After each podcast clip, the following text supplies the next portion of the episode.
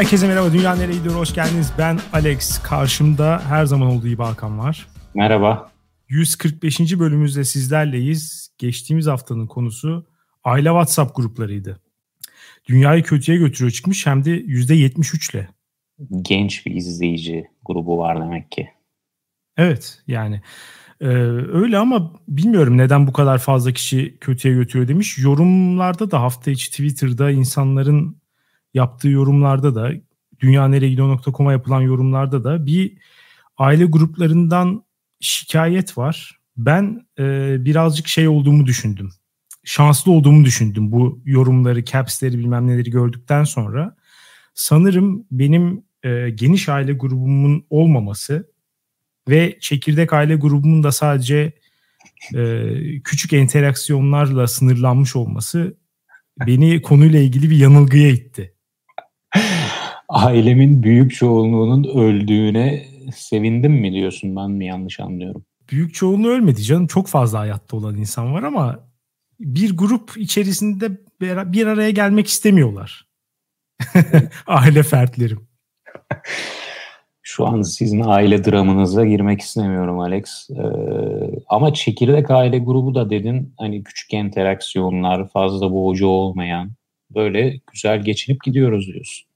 Evet yani gerekli günlük dozumuzu alıp devam ediyoruz. Yani benim açımdan iyi. Şey yapamayacağım. %73'ü anlayamıyorum. Sürekli bir hastalık haberi, sürekli bir geçmiş olsun, sürekli bir hayırlı olsun maşallah. Bunlar dönmüyor grubunuzda anladığım kadarıyla. Yok dönmüyor tabii ki. Zaten dört kişiyiz. Dört kişiyiz zaten. Evet bu muhabbetler çekirdek değil. Bunlar geniş aile WhatsApp grubu muhabbetleri. Evet. E, yorumlara bakalım dünyanereye.com'a gelen. Çakır demiş ki Hakan bu WhatsApp'tan mesaj silme olayı nimet. Sen hiç zamanında hoşlandığın kıza istemediğin bir SMS atıp onun arkasından Umut Sarıkaya karikatüründeki heykeli dikilen çocuk gibi baka kalmadın mı? Kaldıysam da o tecrübe bir nimet. O yüzden böyle geri almak, silmek, karşı tarafı ne yazdı acaba diye düşündürtmek Bunlar o şeyler değil. Sen mesela biri bir şey yazıp sonra sildiğinde kudurmuyor musun? Yo yani zaten so- sorarım direkt. Hayırdır ne yazdın da sildin diye. O da sildim çünkü e, bilmeni istemiyordum. O yüzden şimdi sana söylemeyeceğim deyince ekstra kudurmayacağım. Ya bilmiyorum hiç böyle bir şey yaşamadım hayal edemiyorum. Ama geçen haftaki bölümde konuştuktan sonra aklıma geldi. Zamanında e, annemin bir arkadaşının e, başına gelen bir hikaye. Bütün okuldaki öğretmen kendisi, bütün okuldaki hocaların, idarecilerin falan herkesin olduğu bir WhatsApp grubuna yanlışlıkla bir e, fotoğraf atıyor. Hafif müstehcen bir fotoğraf. Oo. Eşini atacağına o gruba atmış. Ve yani belki hani 20-30 kişi görüyor. O zaman WhatsApp'tan mesaj silme diye bir özellik yok hiç yok. Dolayısıyla o mesaj öyle kalıyor yani 20-30 kişiye gönderilmiş bir şekilde. Güzel, ee, güzel mi? Güzel. Yani kendimi onun yerine koyunca hiç güzel değil. Herkesin ona olan davranışı değişmiştir. Yani özellikle bir kadından bahsediyorsak bu durumda kadından bahsediyoruz. Ee, ki erkekte de çok kötü çünkü kesinlikle bir teşhirci olduğuna yönelik şüpheler asla akıldan gitmeyecektir. Bilerek yaptığına dair şüpheler asla silinmeyecektir. Yahu olsun demiyorlar mı mutluluk anı biriktirmekte diye. Al işte silmiş olsaydı yakın çevresiyle üzerine gülüp kahkaha atabileceği bir anısı olmayacaktı. Ya bu ne? inanılmaz bir şey maliyet yani. Ne demiş usta? Için hayat tesadüfleri sever Alex. O yüzden bu tesadüf bu, bu tesadüf onun sene sonu okuldan ayrılmasına sebep olmuş.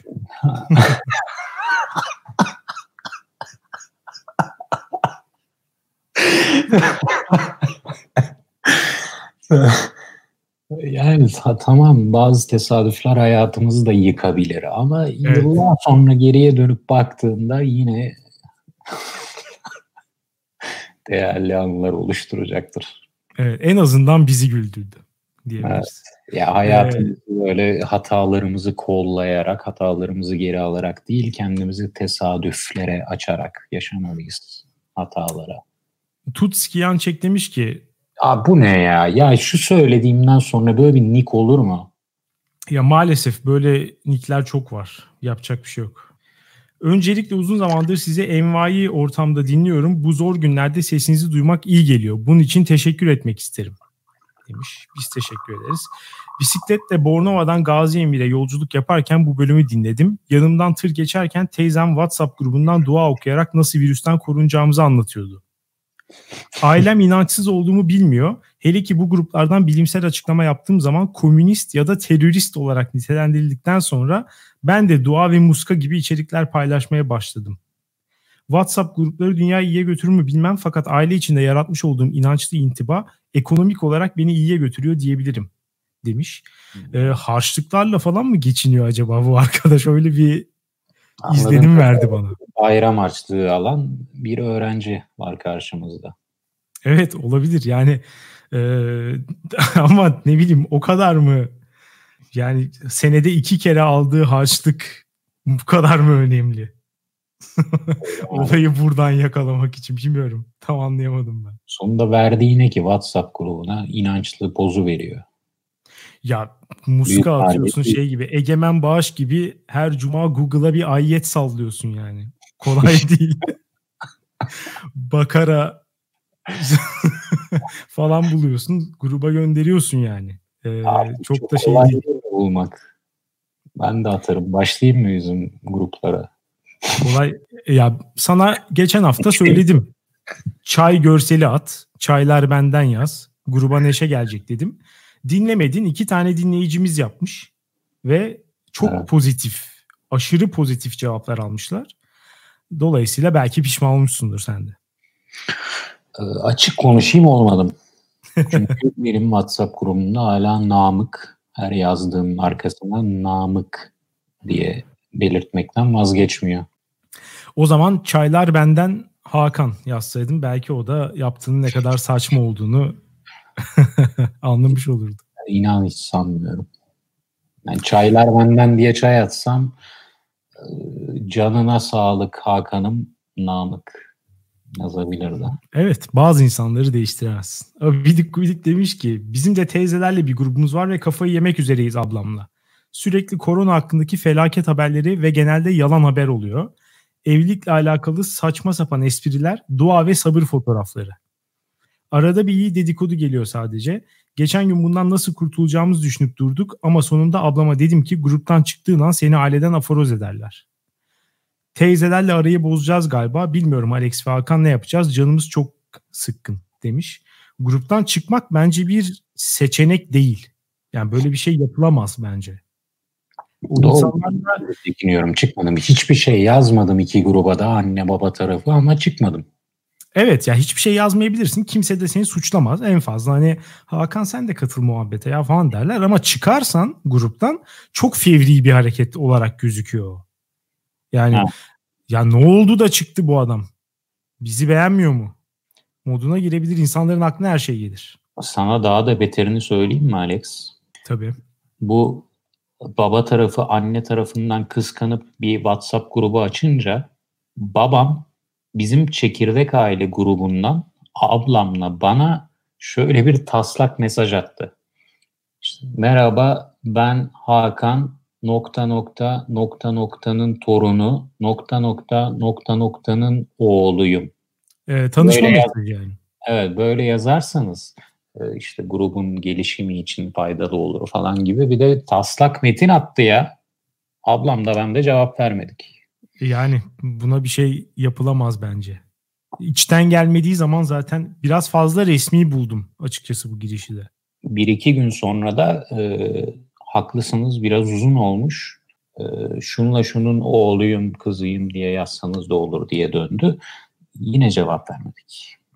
Sanırım bu noktada o da pes etti. Kendisine buradan sevgilerimi iletiyorum. Belki o gruba bir şey yapabilir. Çay fotoğrafı atabilir. Çay ee, karantina azgını demiş ki virüsün azgınlaştırıcı etkisi konusunda Hakan'a katılıyorum demiş. Bir tane de link koymuş. İşten izinli olarak eve gönderildiğimden beri azgınlığımı kontrol edemiyorum. Pornhub'ın bedava premium üyelik vermesi bunun, bunun üstüne adeta tüy dikti. Tek düşündüğüm karantins ve karantitiyiz demiş. Kelime şakası için teşekkür ediyoruz. Evet, ee, yazdığı makaleyi de ben açtım gerçekten de böyle bir olay varmış. Bir de psikolog tutmuşlar röportaj yapmak için. Hmm, evet. Siz neden böyle falan. Abuk subuk tabii ki yine. Hayatın olağan akışı içinde hepimizin içgüdüsel olarak anlayacağı şeyi psikolog abuk subuk bilimsel bir e, dile döküp. Evet ben de okudum da bir de her ihtimali de sıralamış yani açıkçası. Dolayısıyla hiçbir oturup 5 dakika düşünen herkesin yazabileceği şeyler. Dolayısıyla ee, benim ihtimalimi atlamış bir tek. Yo o da yazıyordu. Koronadan dolayı. Korona semptomu olarak azgınlık. Ha ha ha evet bir tek onu yazmamış doğru. Ee, Alex'in zilli fondüsü demiş ki podcastimizin saygıdeğer sunucuları Alex ve Hakan. Podcast başlığını gördüğünde yüzümde kocaman bir gülümseme işte bu gerekliydi dememe sebep olduğunuz için teşekkür ederim. Konuyu gördüğümde aslında Alex'in bundan yakınacağını düşünürken bir anda Hakan beni ters köşe yaptı. Çünkü Hakan hayatın diğer pek çok kısmında yaptığı gibi bunu da önemsemeyeceğini düşünmüştüm demiş. Ya burada ben de şey yapmak istiyorum. Genelde insanların sen de dahilsin buna. Niye bu kadar şikayetçi olduğunu tam olarak ben de anlayabilmiş değilim. Yani bunu sanki e, görmezden gelmek aile gruplarını çok basitmiş gibi geliyor bana.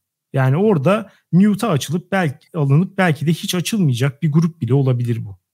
Evet, yani senin sosyal medya deneyimin fazla. Sana zaten günde sürekli olarak Twitter notification'ları geliyor, Facebook notification'ları, Instagram notification'ları. Benim bir tek WhatsApp'ım var.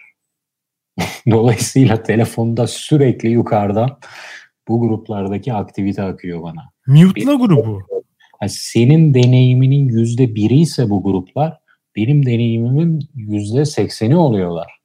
İşte mute olayını da hiç yapmadım. Yapmıyorum, bilmiyorum. Ne, yani sonunda oraya gidip çünkü 100 tane bildiriyi görünce yine tıklayacağım o gruba. Çünkü o yüzü Tıklarsın görmek. ama 100 mesajı bir kere de okuduğun zaman o senin gününe çok da fazla etki etmez. Her hmm. akşam bir kere okursan iki dakikada bitirirsin onu zaten tamam. ve sürekli sürekli onunla ilgili düşünmezsin yani.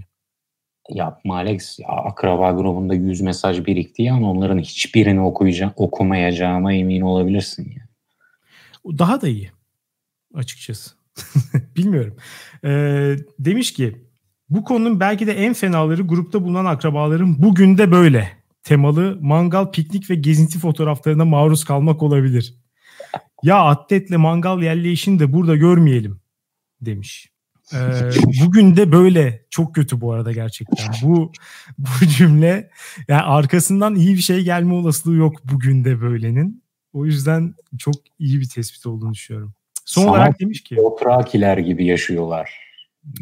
O yok mu bunun arkasında? Bugün de böyle çıldırdık. Bugün de böyle inanılmaz eğlendik falan. Yani işte evet. Son olarak demiş ki bu arada şunu merak ediyorum. Takip edememiştim. Alex Hakan'a zilli fondü ısmarlayacaktı. Beraber kaşıklayacaktınız. Bunu yaptınız mı acaba? Demiş. Beraber kaşıklamayacaktık. Ama ısmarlayacaktım. Ta ki Hakan e, kaçana kadar. Maalesef sözünde durmadı. Ama tam kilo verme dönemimin en doruğunda yakaladın beni Alex. Ne yapayım? Ya işte bir onu yiyecektin. Sonraki hafta belki ölüm orucuna girmen gerekecekti. Yani tek tatlı 5000 kalori falan çünkü. Amcamın doğum gününden beter olamaz. Amcamın doğum gününe gittim. Konsept içli köfte rakı. 3 gün boyunca 3 kiloyu veremedim. Yani o gün 3 kilo almışım, 3 gün veremedim. Ya içli köfte rakı da hiç iyi bir konsept değil ya. Maalesef. Çok iyiydi tavsiye ederim. ya ayrı ayrı sevdiğim şeyler. Ee, Narinciye demiş ki aile grupları gerçek bir zul olabiliyor. Anne baba ayrılınca durum daha da kötü oluyor. Anne artı çocuklar, baba artı çocuklar, anne ve baba artı çocuklar gibi sayısız varyasyon söz konusu.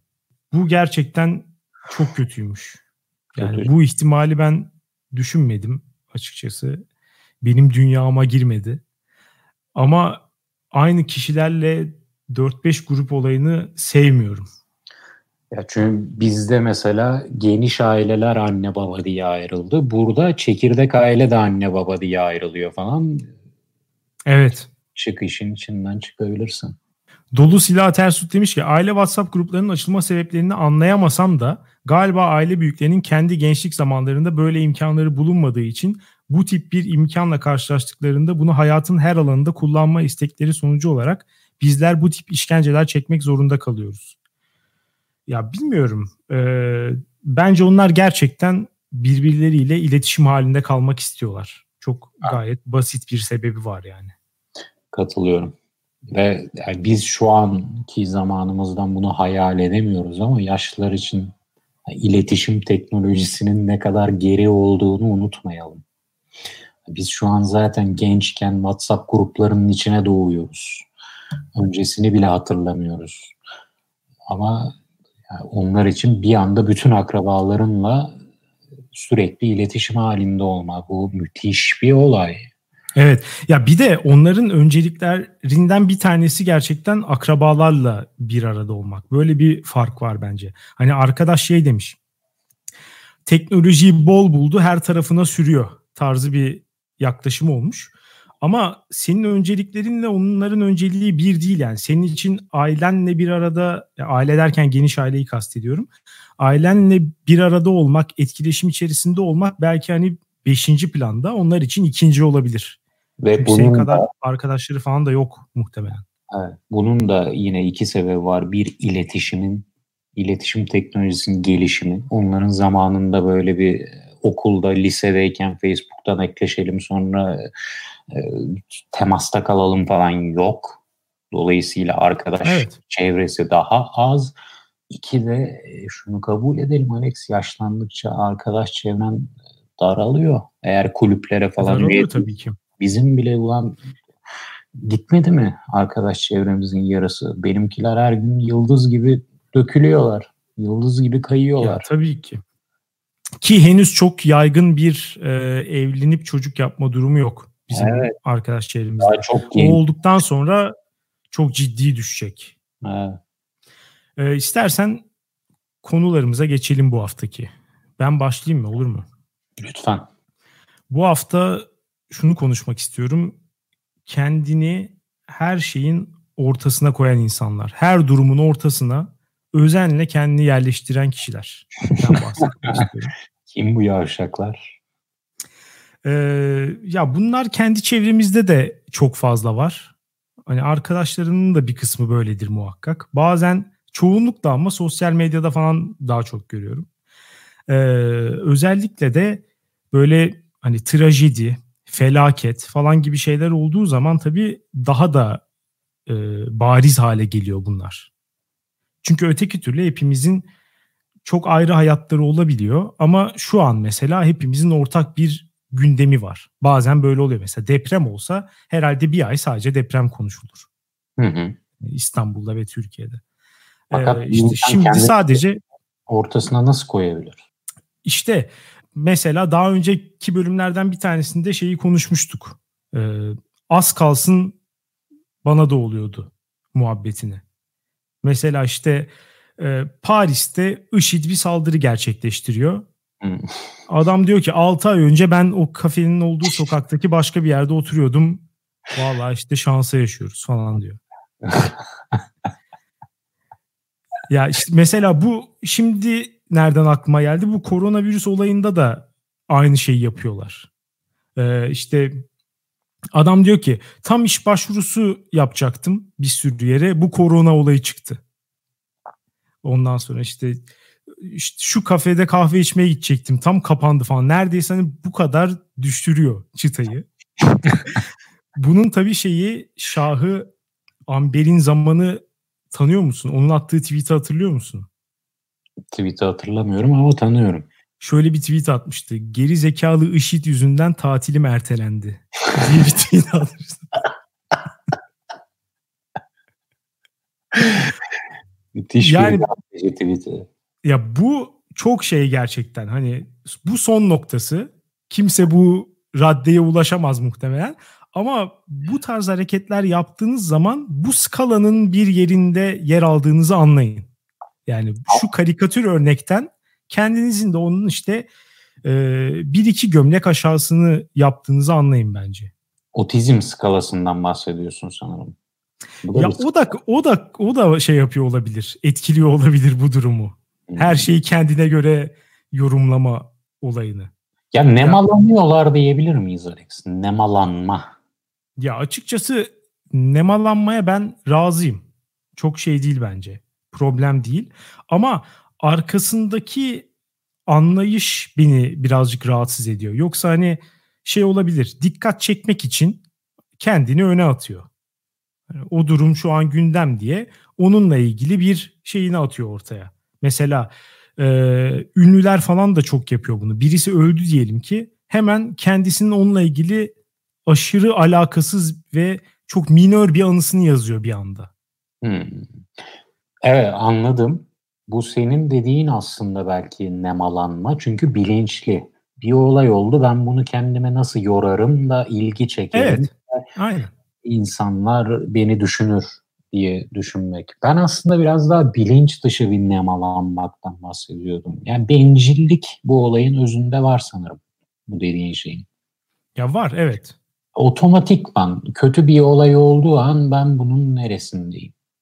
Ve kendini direkt merkeze koyuyorsa bir sıkıntı var demektir değil mi? Evet. Bence öyle. Ee, ya hani şeye de bağlı biraz. Bu hani teleoloji diye bir şey var yani.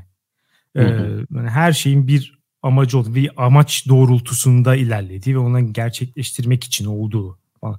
Bu da mesela bir sıkıntı. Bununla ilgili de mesela bazı şeyler görüyorum. Geçen gün mesela vardı. Twitter'da birisi şöyle bir şey yazmış. Virüs bize ne anlatıyor? Ne anlatmak istiyor? İşte daha küçük nüfuslu şehirler, birbirlerinden daha uzak yaşayan insanlar falan. Hani virüsün hiçbir gücü yok. Virüs şey yapmış, heybeye doldurmuş söyleyeceklerini. Milletin vücuduna girip hasta ederek falan bir ajandasını gerçekleştiriyor. Ya, ya biz ben... yıllarca şeye doğaya hükmedip e, çevre kirliliği yaptığımız için şimdi doğa bizden virüsle ödünü alıyor. Çünkü neden? Ya bak gökyüzü artık çevre kirliliği çok az Alex. çevre intikamını alıyor. Evet hayvanlar şehirlere indi. İşte şimdi daha böyle şeyler falan işte tavus kuşları falan yürümüş sokakta. Doğa bizden ucunu alıyor şu an. Bir ajandası var Doğan'ın. İnsanların nasıl birkaç yıldır bunun üzerine çalışıyordu Doğa. Çeşitli planlar yapıyordu. SARS, MERS falan bir iki denedi olmadı. O arada çalışmalarını arttırdı. Ee, bu sefer iyi yakaladı bizi. Dersin Doğa çalışmış. Evet. E, laboratuvarda yaptığı mesailer işe yaramış gerçekten. Bu sefer hepimizi dize getirecek bir şey buldu. Peki sen şunu mu söylemek istiyorsun? Doğru mu anlıyorum? Bu teleolojik düşünme yani her şeyin bir amaç için var olduğunu düşünme. Bu mu evet. insanları her olayın kendisini e, nasıl diyelim ya? Her olayın kendisine e, kendini itmesini itmesine sebep olan. Bu mu mesela şöyle bir olay oluyor diyor ki bu olayın benim dünyamdaki rolü ne? Bu olayın evet. benim dünyamdaki amacı ne? Ya bir miktar bence bunun da etkisi var. Direkt hani birebir demeyeyim ama bu da etkileyen şeylerden bir tanesi. Yani çünkü yani mesela teleolojinin biraz daha iyi olan kısmı onlar bütün bir hayatı yani kapsam olarak bütün bir hayat, bütün bir dünya onu alıyor.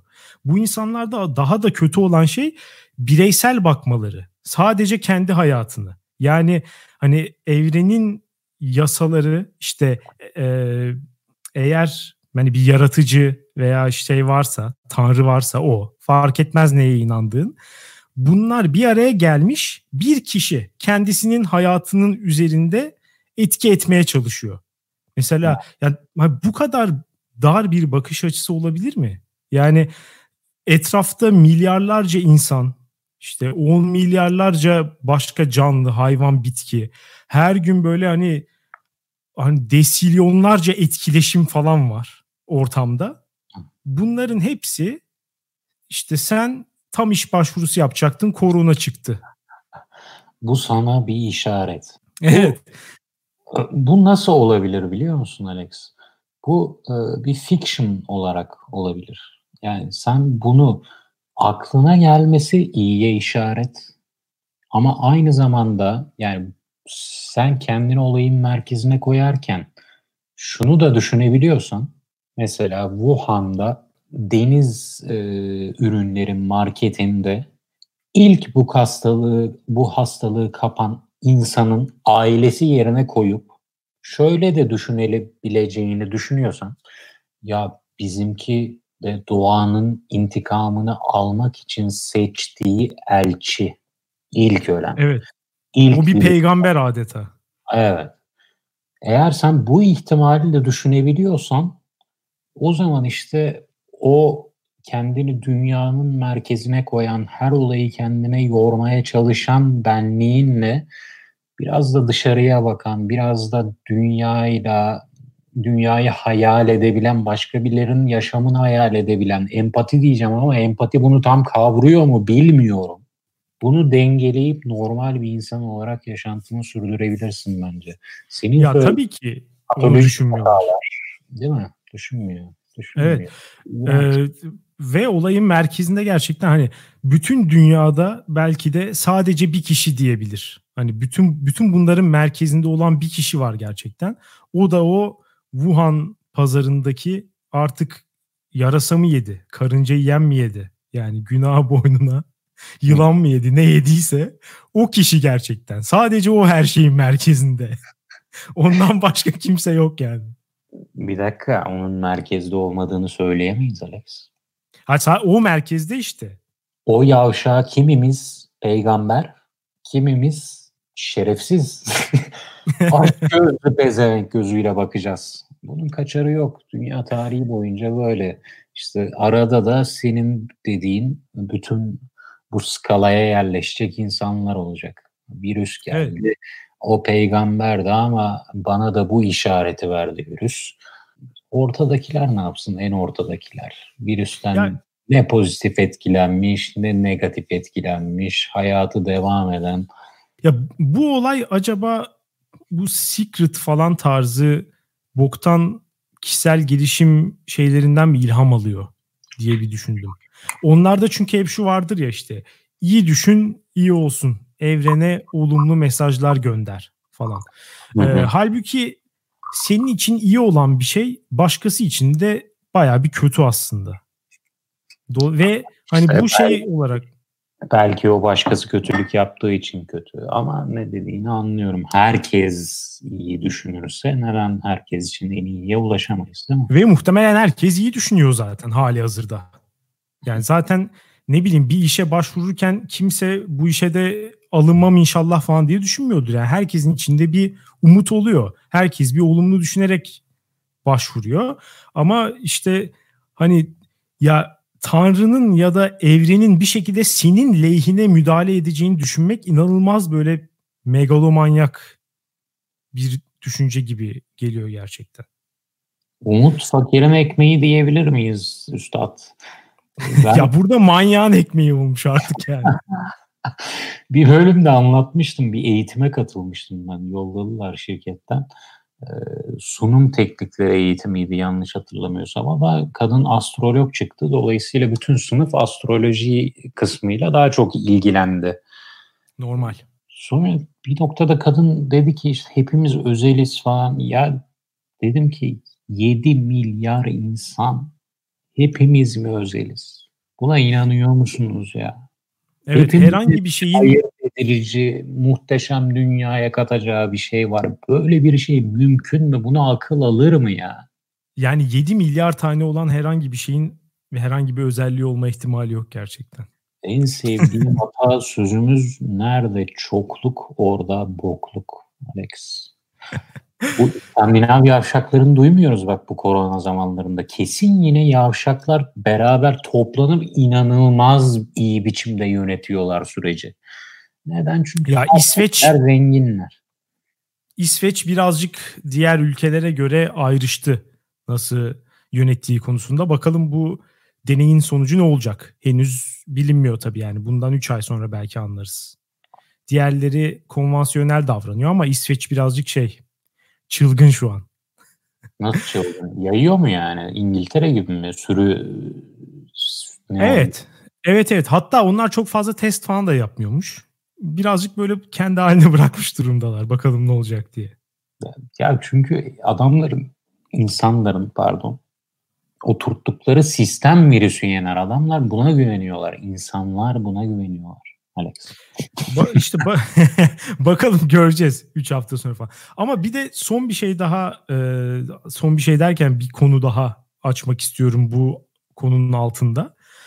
O da kendi tecrübeleriyle ve hani basit anekdotlarla büyük olayları açıklayan, kavramaya çalışan insanlar. Bunlar da yine mesela işte e, yine koronavirüs gibi böyle inanılmaz geniş tüm dünyayı 500 farklı açıdan etkileyen bir olaydan mesela yola çıkalım. Ortada bir mesela veriler var, istatistikler var, yapılan araştırmalar var. Bütün bunların karşısına adam e, kendi etrafında olan şeyleri, birinden duyduğu şeyleri veya kendi başına gelen olayları kanıt olarak gösteriyor. Diğerlerini kabul etmemek için. Ya bunun virüs nerede göremiyorum. Gö- göremediğime göre bana bulaşmaz, öldürücü değildir diyen adamdan hiçbir farkı yok bence. Ben de onu diyecektim. O adamdan mı bahsediyorsun diyecektim. Ya hayır ondan bahsetmiyorum. Çünkü bunlar çok daha aslında bize yakın insanlar. Yani e, o kadar ileri gitmiyorlar hiçbir zaman. Virüsü göremiyorsan bana bulaşmaz noktasında hiçbir zaman gitmiyorlar. Ama e, kendi tecrübelerini büyük işte verilerin, istatistiklerin, çalışmaların önüne koyma konusunda da hiçbir çekinceleri yok. Ha, ben mesela ne gibi diyelim geçenlerde bir tane kalp e, konusunda uzmanlaşmış doktor çıkmıştı ekrana yanında epidemiyolojist deniyor galiba onlara. O çıkmıştı. Kalp doktoru hani çok daha vahim bir tablo sunuyor atıyorum. Epidemiyolojist açısından o olay daha açıklanabilir diyelim. Bu tarz bir ayrımdan mı bahsediyoruz? Kalp doktoru kalp doktoru olmasının kendine bahşettiği otoriteyle konuşuyor ama aslında kendi deneyimlerinden yola çıkıyor. Hastaneye gidiyor atıyorum. 50 tane vaka görüyor. O durum sanılandan çok daha beter falan. Onun gibi bir şey. Ya bu tarz hani biaslar biraz daha bence normal. Onları açıkçası şey karşılıyorum. Hoşgörüyle karşılıyorum bu tip dönemlerde. Ee, ama mesela şöyle bir şey gördün mü hiç? Muhakkak etrafında böyle insanlar vardır. İşte çok ciddi bir sayıda insan şöyle demeye başladı. Ya Aralık, Ocak ayın civarında hatta Kasım'da öyle bir grip geçirmiştim ki ve etrafındaki hani ailemden, iş arkadaşlarımdan 4-5 kişi daha böyle ateşli hastalık geçirdi. Bu kesin koronaydı. Başka hiçbir şey olamaz. bu bu söylem o kadar yaygın ki yani adam şeyi falan hani boş veriyor. Ee, bunun mesela geriye dönük bakıldı değil mi? Bir araştırma var ortada. İşte Aralık ayında Çin'in Wuhan kentinden çıktığı düşünülüyor. Şu an eldeki verilere göre. Ondan sonra bunun her gittiği ülkede bu salgının her yayıldığı ülkede belli bazı özellikleri var. İşte solunum cihazları yetersiz kalıyor. Değil mi? Çok fazla kişi zatürre oluyor. Özellikle yaşların ölüm oranları zıplıyor falan. Ya o zaman kardeşim madem Kasım ayında, Aralık ayında Türkiye'de böyle bir salgın vardı. Bunların hiçbiri niye olmadı? Yani hem de o zaman hiçbir önlem falan da yoktu. Herkes öyle açıkçası kimse elini yıkamıyordu o zaman. Herkes bam güm el sıkışıyordu. Hiçbir karantina hiçbir şey yoktu. Ya Türkiye'nin kırılması lazımdı o zaman. On binlerce ölü lazımdı. Ya açık konuşayım. Ee, şu söylediğin insan Şubat'ta o göğüs hastalığını geçirmiş olsa bizdeki vaka Mart'ta çıktı değil mi? İlk, ilk vaka denilen şey. Evet Mart'ın ortası gibi bir şeydi sanki. Yani Şubat'ta dese ve ben koronaydım bence dese şüphelenmesini makul karşılarım. Ben ya bu arada ola da bilir. Olmaz demiyorum yani böyle bir şey imkansız değil. Tabii ki olabilir. Yavaş yavaş yayılmıştır falan. Ama yani ortada bir şey yokken, veri yokken, anlamlı bir araştırma yokken sadece kendi başına gelmiş olmasıyla buna karar vermek olayı komploya inanılmaz açıyor. Mesela aynısı yıllarca işte seçim konusunda falan da oluyordu. Her seçimden önce adam aynı çevresine bakıyor. Çevresindeki 50 kişiye bakıyor. Orada işte bilimsel, kanıtlanmış yöntemlerle yapılan anketleri falan tamamen göz ardı ediyor. Hatta onların yalan olduğunu söylüyor. Yani ona güvenmiyor adam. O 30 kişide gördüğü şeye güveniyor ve sonunda eline alıyor tabii ki. Şu iki grup diyebilir miyiz? Geçen bizim kahveye gittim. Ciler. Evet. evet. Geçen taksiye bindim Ciler. Bu iki grup. Yani çok ilginç gerçekten ya. Bunun e, sosyal medyayla yıkılacağını düşünürsün aslında. Çünkü insanları kendi çevresinden çok daha geniş bir çevreye açıyor sosyal medya. Yani eskiden 50 kişiyi tanıyorsan şu an ne bileyim 500 kişiyi takip edebilirsin en azından. Bir de onların RT ettikleri falan insanlar oluyor mesela Twitter'da. Dolayısıyla belki 5000 10 bin kişinin tecrübesini görebilirsin. Ama bu o işe yaramadı. Yani insanları anekdotlardan uzaklaştırıp verilere, istatistiğe falan yöneltmedi. Tam tersi bir sürü başka insanın anekdotlarını edinmeye yol açtı. Her gördüğüne inanmaya yol açtı. Evet Çünkü yani metod, metod olmadan bu tarz bir geniş bilgi ağını insanlara açarsan içinde kaybolurlar doğal. Ee, ya bilmiyorum ben bu olay beni gerçekten çok fazla üzmeye başladı. Ee, yani bu kadar dezenformasyon ve okuduğunu anlayamama, yorumlayamama olayı falan gerçekten sosyal medyadan soğutuyor. Gerçekten şeye ben de gitmeye başladım. Sosyal medya ehliyeti. şey ya. tipler var ya böyle TC kimlikle onu gireceksin falan. Ha, ben anonimlik meselesi değil ama ya kullanabilen kullansın gerçekten. Bazı insanlar bunu beceremiyor, olmuyor. Ya Alex daha beterini söyleyeyim sana. Az önce ettiğim cümleye bak. Ee, insanları metod öğretmeden geniş bir bilgi ağını açarsan sıkıntı yaşanıyor. Senin dediğin gibi her anekdotu bilgi diye yutuyorlar diye evet. bir cümle ettim az önce.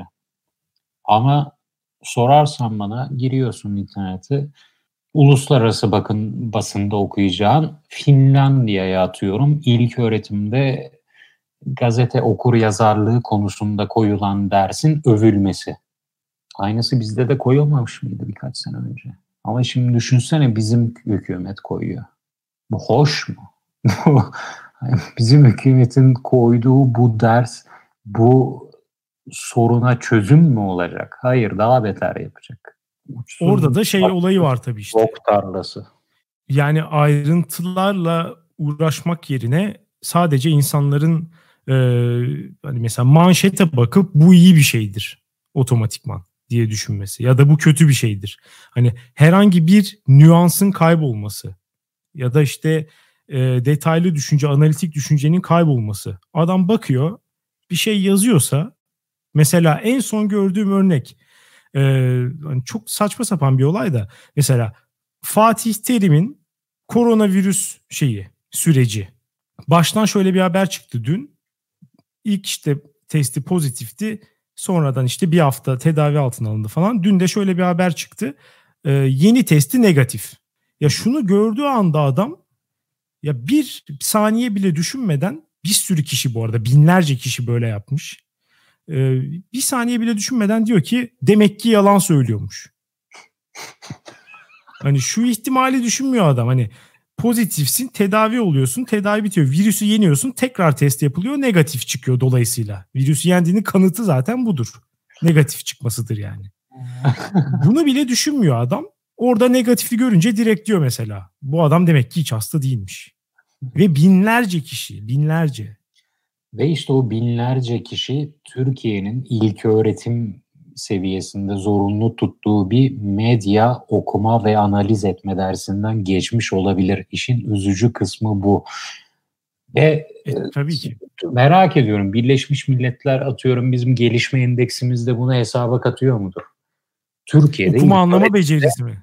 Evet, post-truth'a karşı Türkiye'de ilk öğretimden medya okuma ve analitik analiz becerileri dersi sunuluyor falan. Düşünsene bunun bizim artı kalemimize yazıldığını BM bazında Birleşmiş Milletler'de. Neyse ki öyle bir şey yoktur diye düşünüyorum. Öyle diyorsun ama ben okuyorum işte Finlandiya nasıl post-truth zamanıyla başa çıkıyor. Çünkü ilk öğretimde okullara medya okur, yakar, ya okur yazarlığı öğretiyor. Bizimkiler de öğretiyor ama gelip hani denetleyen var mı nasıl öğretiyorlar? Ya bir de ne okuttuğuna da bağlı. Adama bütün gün sen akit falan okutuyorsan hmm.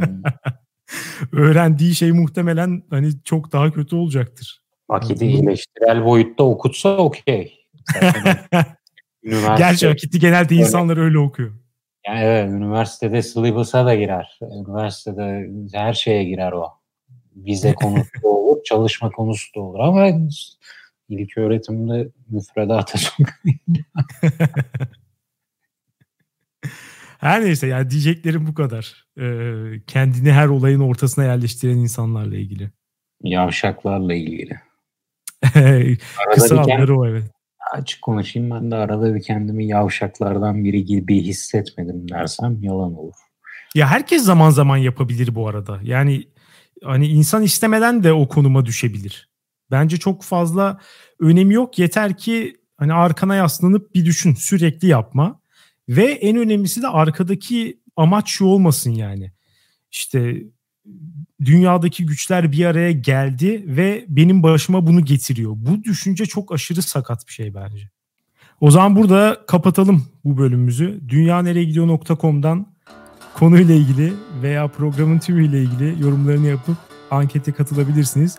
Dinlediğiniz için teşekkür ederiz. Haftaya salı görüşürüz. Güle güle.